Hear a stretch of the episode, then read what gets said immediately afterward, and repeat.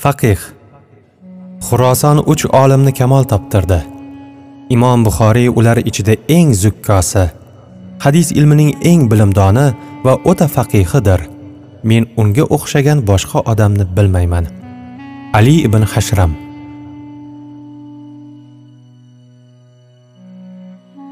Pastakkina hujra derazasidan bahorning mayin epkini bosh suqib, u yerda muk tushgancha hadis yozib o'tirgan ikki olimning oromini birpasga o'g'irladi.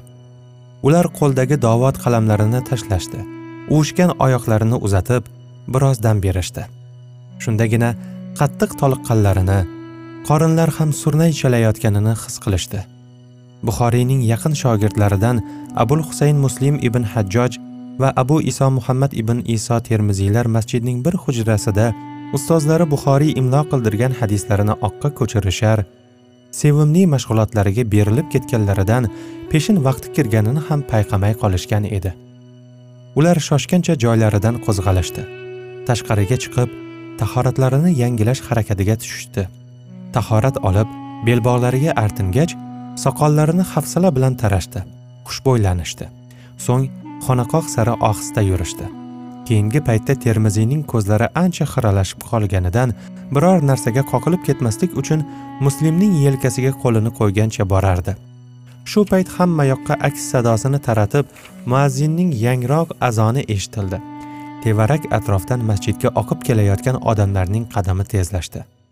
Ikki olim namozni ado etib chiqishdi-yu, nafslarini qiynayotgan qorin harakatiga tushishdi. Birlari sal nariroqdagi boqqoldan non va biroz shirinlik, pashmak xarid qilib keldi. Chogimni qaynatgach, suvning o'zi bilan kifoyalanib qo'ya qolishdi. Nafslari sal orom olgach, tanalari ham istirohat istab qoldi. Hozir yozishga kirishish bemavridligini sezib, asta suhbat boshlashdi. Ey Abul Husayn, Buxoro faqihlarining ustozimiz Abu Abdullohni fiqhni yaxshi bilmaslikda ayblashayotganiga nima deysiz? Degan savol bilan yonida o'tirgan muslimga yuzlandi Termiziy. Birodarim Abu Iso, men hamma narsaga rozi bo'laman-u, ammo ustozni bunda malomat qilishlariga aslo chiday olmayman, dedi muslim do'stining qo'llaridan tutib mahkam qisgancha. Ayrim chalamullalarning hasad ortidan u kishiga loy chaplashlari oddiy ko'rolmaslikdan boshqa narsa emas. Meni faqat bir holat taassufga soladi. Bu fitnaga Abu Hafs Kabirday ulug' allomaning o'g'li Abu Hafs Sag'irni ham tortishgani ko'p ko'ngilsiz ish bo'ldida Ma'lumingiz kim? Abu Hafs Kabir rahmatullohi alayhining sharofati tufayli Buxoro Qubbatul Islom islom dinining gumbazi nomini olgan.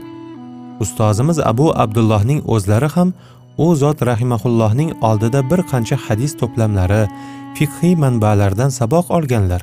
Ustozimiz bilan shunday ulug' olimning farzandi arjumandi o'rtasida paydo bo'lib qolgan befoyda tortishuvlar ilmga faqat zarar keltiradi xolos.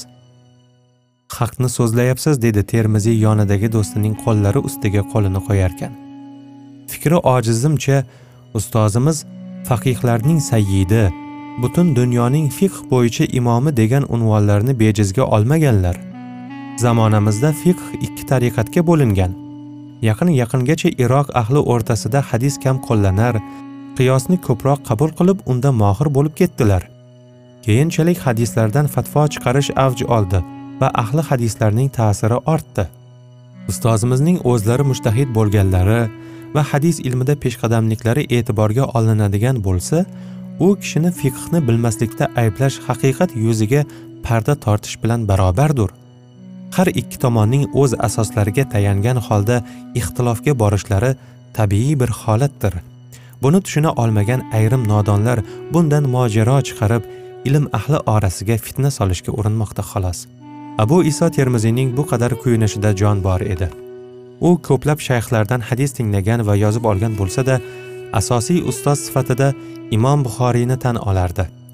Ijozat ham shu kishidan edi. Termiziy hadis ilmini Buxoriydan o'rgandi. U kishining qo'lida kamolga erishdi. U kishida o'qib, ilmlaridan bahra oldi. Hadis ilmiga taalluqli ba'zi ishlarda hatto ustozi bilan munozaraga ham bordi. O'sha davr olimlarga xos ravishda qaysidir bir o'rinda muvofaqat qilgan bo'lsa, boshqa bir o'rinda muxolafat ham qildi. Chunki taqliddan qochish har joyda hamisha haqqa tobe bo'lish uning odati edi ustoziga muhabbati shu qadar poyonsiz ediki ko'pincha uning fikrini boshqalardan ustun qo'yardi.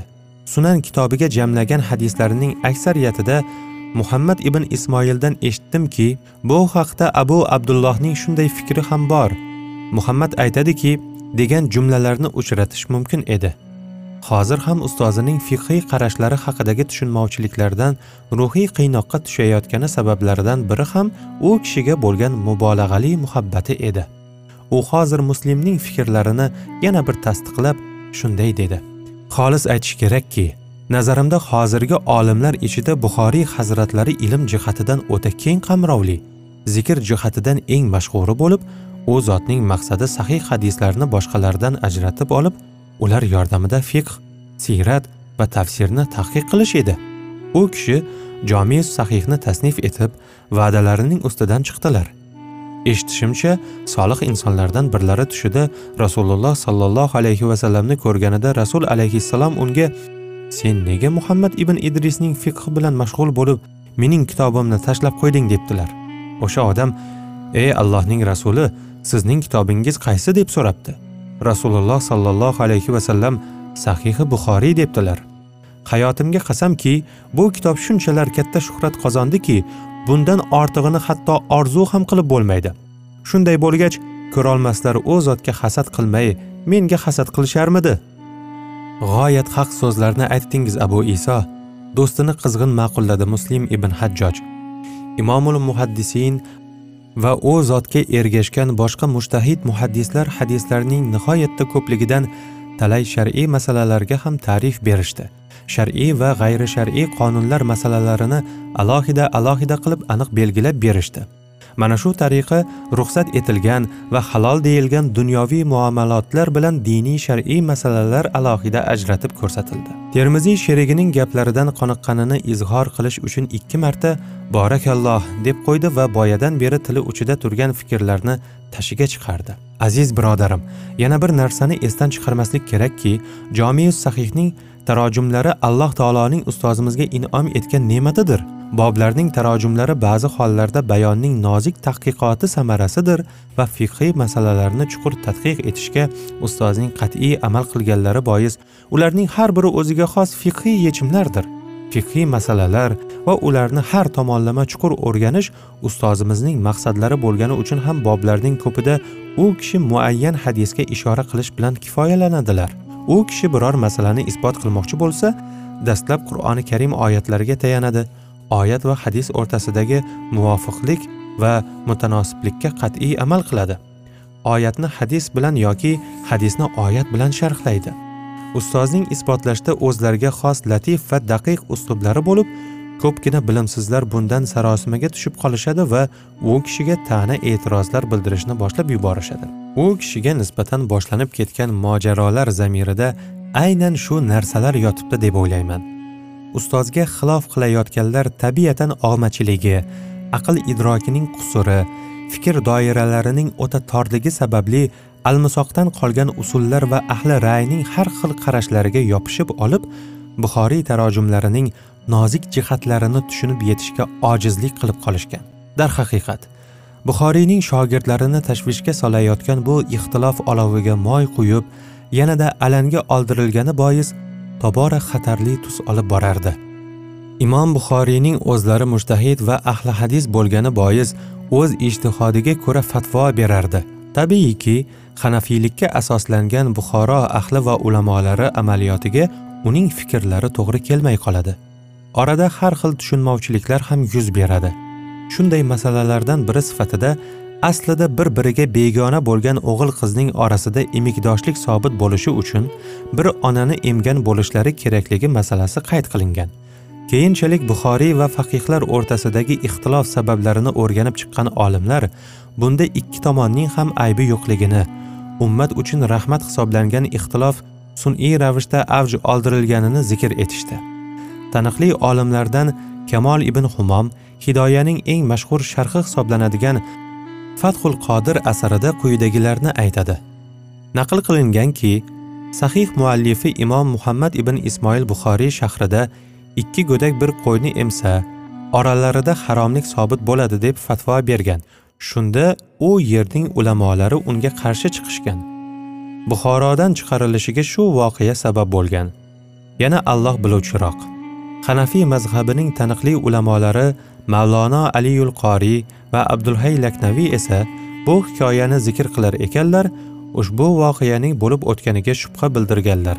Zotan imom buxoriy buyuk muhaddis bo'lishi bilan birga fiqhiy salohiyat ham undan kam bo'lmagan albatta.